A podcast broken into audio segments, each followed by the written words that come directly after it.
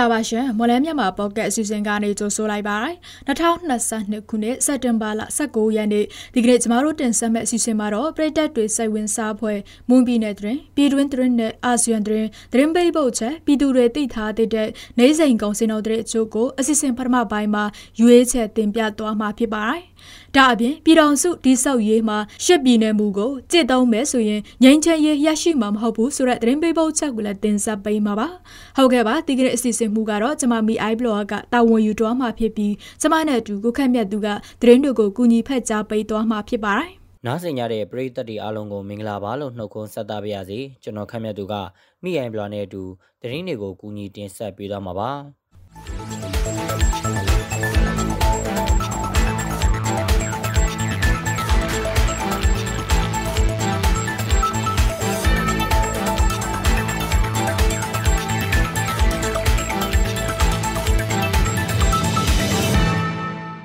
ဘီလေးမြို့နယ်အလူလေးကျေးရွာအုပ်စုမှအုပ်ချုပ်ရေးမှူးဦးလှမင်းကိုမနေ့ကမနက်ပိုင်းမှာအမည်မသိလက်နက်ကင်လူတစုကတနက်နဲ့ပြစ်တက်ခဲ့တယ်လို့တရားခံအချို့ထံမှသိရပါတယ်။အလူလေးကျေးရွာအုပ်စုအုပ်ချုပ်ရေးမှူးဦးလှမင်းဟာသူ့နေအိမ်ကနေအနောက်ကြီးကျေးရွာဖုံးကြီးကျောင်းရွာလမ်းအတိုင်းတယောက်တည်းဆိုင်ကယ်နဲ့ရောဘာချန်ကိုတွားနေချိန်မှာတစ်ဆောက်နေတဲ့လူငယ်တို့ကတနက်နဲ့ပြစ်တက်ခဲ့တယ်လို့ဘီလေးမျိုးခံတို့ကဆိုပါတယ်။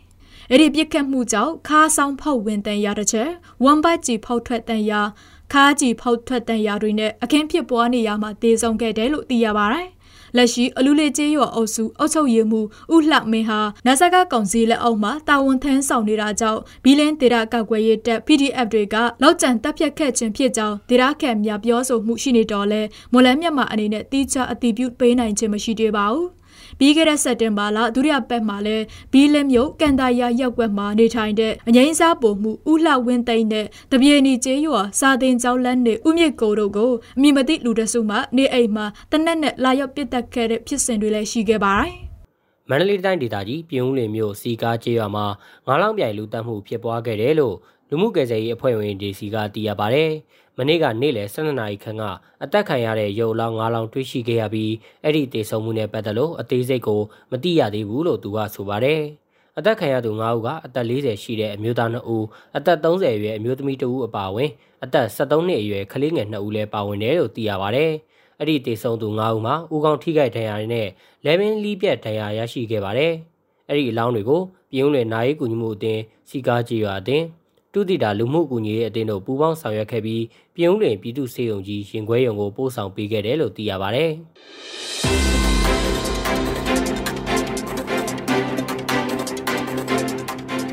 ကျမတို့ရဲ့မလန်းမြန်မာဖောက်ကမြန်မာဘာသာစီစဉ်ကိုအားပေးနားဆင်ကြတဲ့ပရိသတ်များရှင်ကျမတို့အတန်လို့စီစဉ်ကနေပြီးတော့မွန်ပြည်နယ်မှာဖြစ်ပျက်နေတဲ့သတင်းများပြည်တွင်းငင်းချဲရေးဖြစ်စဉ်များပြင် မြန်မာနိုင်ငံတွင်းနဲ့အာဆီယံတွင်းများကိုအပတ်စဉ်တင်လာနေမှတောကြနေများတွင်ည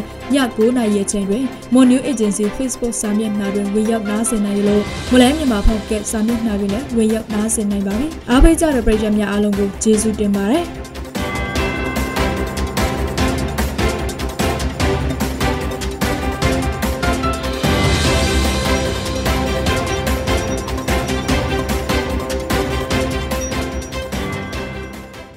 level 2အဆင့်ကိုတုံးမြစ်ထားခြင်းမရှိဘဲအချက်အလက်မပြည့်စုံတဲ့ mobile ငွေကြေးစည်းရန်အကောင့်တွေကိုအပြည့်ပိတ်သိမ်းသွားမယ်လို့ဗဟိုဘဏ်ကပြီးခဲ့တဲ့နှစ်ရက်ကထုတ်ပြန်လာပါတယ် မတမာသူတွေကအချက်လက်တွေကိုမှန်ကန်စွာမဖြစ်ဆိုပဲမိုဘိုင်းငွေပေးချေမှုတချို့ကိုသုံးပြီးမတမာတဲ့နီးလက်နဲ့တရားမဝင်ငွေလွှဲပြောင်းမှုတွေနဲ့ငွေကြေးလိမ်လည်မှုတွေကြောင့်အများပြည်သူနစ်နာဆုံးရှုံးမှုတွေရှိနေပြီးအဲ့ဒီလိုနစ်နာဆုံးရှုံးမှုတွေကိုဖြေရှင်းတဲ့အခါကိုရဲ့အချက်လက်ပြည့်စုံစွာဖြည့်တွန်းထားမှသာဖြေရှင်းပေးနိုင်မယ်လို့ဗဟိုဘဏ်ကဆိုပါတယ်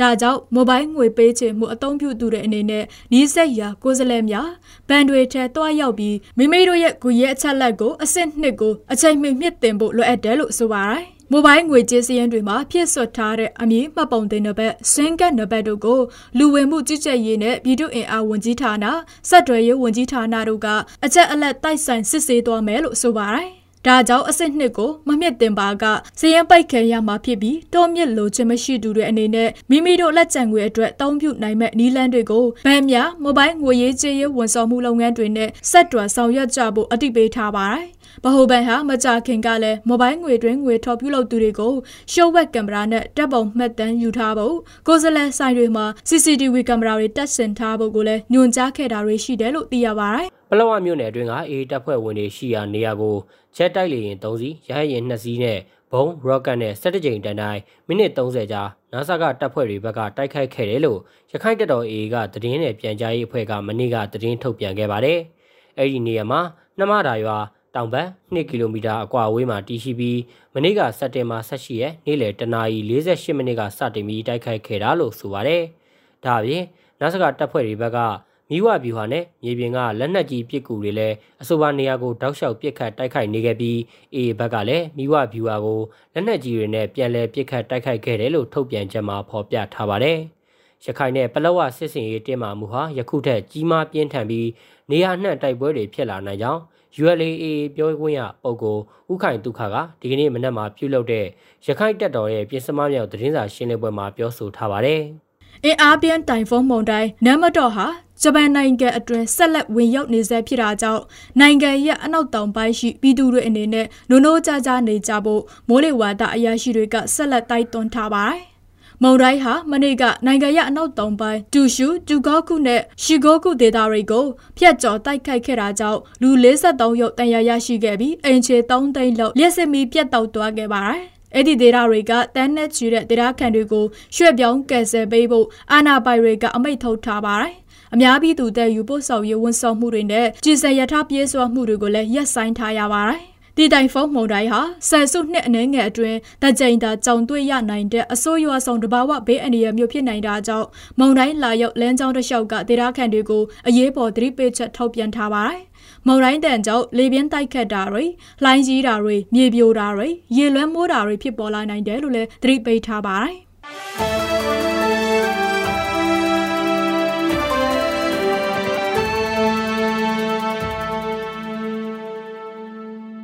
ဟုတ်ကဲ့ပါဆက်လက်ပြီးတော့ပြည်သူတွေသိထားတဲ့နေစိန်ကောင်စီတော်တဲ့အချို့ကိုမလမြိုင်ကောင်စီတိုင်းကအချက်လက်တွေကိုအခြေခံပြီးကျမကတင်ဆက်ပေးပါအောင်မယ်ဒီကနေ့ထိုင်းနဲ့မြန်မာငွေလဲနှုန်းကတော့ထိုင်းဘတ်86ဝယ်ဈေးရှိပြီးရောင်းဈေးက63ရှိနေပါတယ်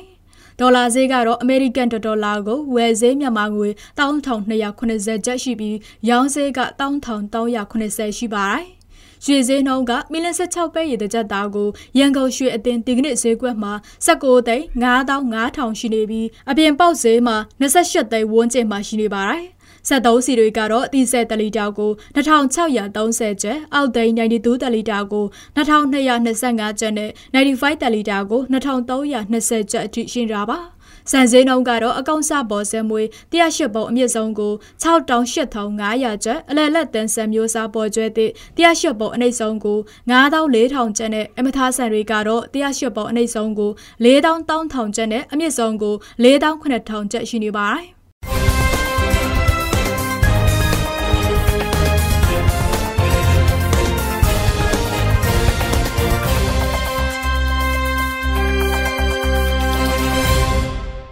အခုတင်ဆက်ပေးတော့တာကတော့စက်တင်ဘာလ19ရက်နေ့မှာဖြစ်ပျက်ခဲ့တဲ့မွန်ပြည်နယ်တွင်ပြည်တွင်းတွင်နဲ့အာဆန်တွင်တွေပြင်တနိဒာစီစိမ်းငွေစိမ်းနဲ့ကောင်စင်းတော်တွေကိုတင်ဆက်ပေးတော့တာဖြစ်ပါတယ်။ဆက်လက်ပြီးတော့ပြည်တော်စုဒီဆောက်ရေးမှာရှစ်ပြည်နယ်မူကိုကြစ်သုံးမယ်ဆိုရင်ငြိမ်းချမ်းရေးရရှိမှာမဟုတ်ဘူးဆိုတဲ့သတင်းပေးပုတ်ချက်ကိုစရာအောင်နုံကတင်ဆက်ပေးပါမယ်ရှင်။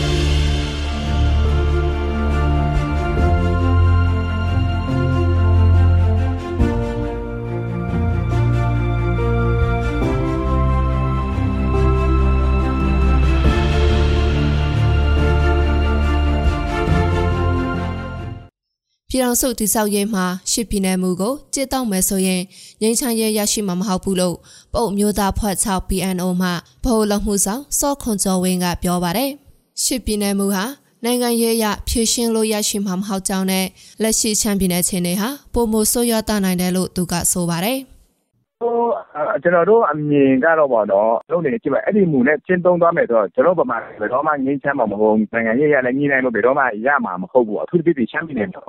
ကိုဆိုးသွားနိုင်တယ်ပေါ့နော်လက်ရှိဆရာတို့နေမီဒီယာသတင်းဌာနတိပြဒီရှမ်းပြည်ရဲ့အခြေအနေနဲ့အခြေအနေတိုင်းသားနေနေနေထုံးမိုးထားတဲ့အချိန်အားလုံးသိပြီးသားပေါ့နော်ဘယ်တော့ပဲဟိုကပေါ့တော့ဖြစ်ဖြစ်ပါဘူးနောက်ဆုံးအားလုံးကဟိုကအဲ့လိုသုံးဖြတ်လုပ်လိုက်တော့ဒီအဲ့မှာကျွန်တော်ဒီခရပြောတဲ့လက်နက်ကန်ပြဿနာဒီလူမျိုးရေးပြဿနာနေလက်နက်က ပြဿနာတွေဖြေဖြေရှင်းနိုင်မှာမဟုတ်ပေါ့နော်။နောက်တစ်ခုကဒီ PNO ကလည်းအိုးတမျိုးသားလုံးဟိုဒါအမျိုးသားနိုင်ငံနိုင်ငံရေးအောင်တောင်းပါဆွေးနွေးပွဲရှိတယ်ပေါ့နော်။အာဆွေးနွေးပွဲကြီးဟိုဘုံမှာလုပ်ခဲ့တယ်ပေါ့ဒါလုပ်လို့ရတဲ့တိုင်းသားလူမျိုးတွေမှာပါတယ်ပေါ့။အဲမှာလည်းပြည်နယ်တစ်ပေါ်ဆွေးခွဲမှုလည်းတော့သူကချထားပြီးသားပေါ့နော်။မူစွာဒီပိုးလူမျိုးတက်မဟုတ်ဘူး။ဒီတိုင်းဒီတိုင်းသားမှုပြည်နယ်တစ်ဆိုတာကလူမျိုးအချင်းမခံတဲ့ပြည်နယ်လည်းဖြစ်နိုင်တယ်။ဆိုတော့ပြည်နယ်တစ်ဆိုတာဒီကျွန်တော်တို့ကလူမျိုးအခြေခံတော့ပိုအိုးမပလောင်မဝါမမဟုတ်ပါဘူးနော်။အဲတက်ဆိုင်တိုင်းသားတွေလည်းဒီဘူးရေအခြေခံပြီးတော့ဒါလည်း ထက်တွင်းငွေနဲ့ချထားတဲ့အဲ့လိုပဲမြင်တယ်ပေါ့နော်ပြီးခဲ့တဲ့2020ခုနှစ်ဖေဖော်ဝါရီလကောင်ပိုင်းကတိုင်းသားလက်နက်ကိုင်ဆန္ဒဖွဲ့မှကိုယ်စားလှယ်တွေဟာထိုင်းနိုင်ငံချင်းမိုင်မြို့မှာတွေ့ဆောင်ဆွေးနွေးမှုပြီးရှစ်ပြည်နယ်မူကိုအခြေခံတဲ့ဘတ်ထရပြည်တော်စုကိုတိစောက်မယ်လို့ပေါ်တူလက်မှတ်ထိုးခဲ့ကြပါတယ်။ရှစ်ပြည်နယ်မူကိုအရင်ဖော်ဆောင်ပြီးမှကြားတဲ့အပိုင်းတွေကိုလှုပ်ဆောင်ရင်းပိုပြီးတဘာဝကြားလိုက်မယ်လို့ကချင်နိုင်ငံရေးသမားဥကွန်ကောင်းအောင်ခန်းကပြောပါတယ်။ အဓိက1948ခုနှစ်ပြည်တော်စာချုပ်ကအဓိကတော့ရှစ်ပြည်နေမူအရပဲသွားတဲ့အပိုင်းဒီဖြစ်ပါတယ်အဲရှစ်ပြည်နေပဲကိုအဓိကထားပြီးမှဖြစ်ပါတယ်ဒါကြောင့်လည်းဒီဟာကိုအဓိကဖော်ဆောင်ပြီးမှနောက်ပိုင်းကိုပဲအဲကျွန်တော်ဘယ်လိုမျိုးလုပ်ရင်ကောင်းမလဲဆိုတဲ့ဟာမျိုးတော့အဲလှုပ်ဆောင်တော့ပို့ပြီးမှတဘာဝကြလိမ့်မယ်ဒါမှမဟုတ်ဆိုရင်အခုကနေဟိုဟာဖြစ်တယ်ဒီဟာဖြစ်တယ်ဒီဟာရမှဆိုတာဆိုတာတဲ့ပြည်နေကိုလက်တွေ့အကောင့်တွေပေါ်လိုက်ရင်တော့ ဒီကတော့လက်တွေ့ကြတယ်လို့ပဲကျွန်တော်မြင်ပါတယ်ဒါကတော့ဖော်ဆောင်မယ်မဖော်ဆောင်ဘူးဆိုတာဖော်ဆောင်တဲ့အဲဖော်ဆောင်နိုင်တဲ့မဖော်ဆောင်နိုင်တဲ့အပေါ်မှာပဲမူတည်ပါလိမ့်မယ်ပမာတိုင်းသားတွေကိုပမာပြည်နယ်ပေးရမယ်ဆိုတဲ့အယူဆဟာအမျိုးသားရေးစွန့်ရောက်သွားတယ်လို့ယူဆကြောင်းနိုင်ငံရေးလက်လက်တောင်းတသူဦးတန်းစိုးနိုင်ကပြောပါတယ်လူမျိုးတိုင်းနော်ဥတ္တမကိုဖန်မှုရှိရမယ်နော်လူမျိုးတိုင်းဟာတန်းတူခွင့်ရည်ရှိရမယ် ဒါပေမဲ့မတူတဲ့ရုပ်ဘဝကိုလိုက်ပြီးတော့တချို့ကတိုင်းဖြစ်ချင်းဖြစ်မယ်တချို့ကပြည်နယ်စင်တန်းဖြစ်ချင်းဖြစ်မယ်တချို့ကခရိုင်စင်တန်းလောက်ပဲဖြစ်ဥမာအခုဆိုကြပါစို့ကြာကျွန်တော်တို့တန်းပလောင်တန်းပလောင်ဆိုဟိုနေထိုင်မှုကလည်းကျွန်တော်တို့ဟိုပါပေါ့ဟိုစုစုပြီးရှိတာမဟုတ်အဲ့တော့တန်းမျိုးသားတွေနေတဲ့နေရာတစ်ခုကိုစုစည်းလိုက်တဲ့အခါကျတော့အခုကဘာဖြစ်သွားလို့လဲဒီပလောင်မျိုးသားဒေတာပလောင်မျိုးသားဒေတာကိုကျွန်တော်တို့ကခရိုင်စင်တန်းပဲလုပ်ရတယ် ပလောင်ပြည်နယ်တော့ပေးလို့မရဘူးပြည်နယ်အစင်တန်းပြီးနိုင်လောက်တဲ့အင်္ဂါလက္ခဏာတွေနဲ့မကိုက်ညီဘူး။ကိုက်ညီတာတဲ့အချိန်တော့ပေးရမယ်။အဲ့တော့အခွင့်အရေးရှိတယ်ဒါပေမဲ့ရှိနေတဲ့ရုပ်ဘဝပေါ်မှာကြည့်ရမှာဖြစ်တယ်။ဒါမှမဟုတ်ကျွန်တော်ခုနပြောတဲ့ရှစ်ပြည်တော်မူဆိုတာဟာဗမာပြည်ရဲ့လူမှုစီးပွားရေးအနေအထားနဲ့ပြောလို့ရှိရင်ရှစ်ပြည်တော်မူဟာတကယ်ကြတော့ဗမာပြည်ရဲ့ရုပ်ဘဝအကြောင်းချက်တွေနဲ့မကိုက်ညီဘူး ရှစ်ပြည်နယ်မူဟာတန်းသူခွေရဲကိုတောင်းဆိုတာဖြစ်ပြီးကျန်တဲ့လူမျိုးစုမှပြည်နယ်ရှိပြီးပမာလူမျိုးစုမှလည်းအမျိုးသားပြည်နယ်တရက်လိုအပ်တယ်လို့ဆိုပြီးတင်ပြတောင်းဆိုမှုတွေလည်းရှိနေပါတယ်။လက်ရှိမြန်မာနိုင်ငံမှာ2008ဖွဲ့စည်းပုံခြေခံဥပဒေအရတိုင်းဒေသကြီး9ခုပြည်နယ်9ခုကိုပိုင်အောက်6ခွေရတိုင်းတစ်ခုကိုပိုင်အောက်6ခွေရဒေသ5ခုနေပြည်တော်ကောင်စီနယ်မြေတစ်ခုစသဖြင့်စုစည်းသတ်မှတ်ပြဋ္ဌာန်းထားပါတယ်။ အဲဒီနောက်ရှမ်းနေတအောင်ပလောင်ဝပအုပ်တွေကပြည်내တတ်မှတ်ပေးဖို့တောင်းဆိုနေတယ်လို့မိုင်းလာအထူးဒေသလေးကလည်းကိုပိုင်အောက်၆ခွေရဒေသတတ်မှတ်ပေးဖို့တောင်းဆိုတာတွေရှိနေပါတယ်ရှင်။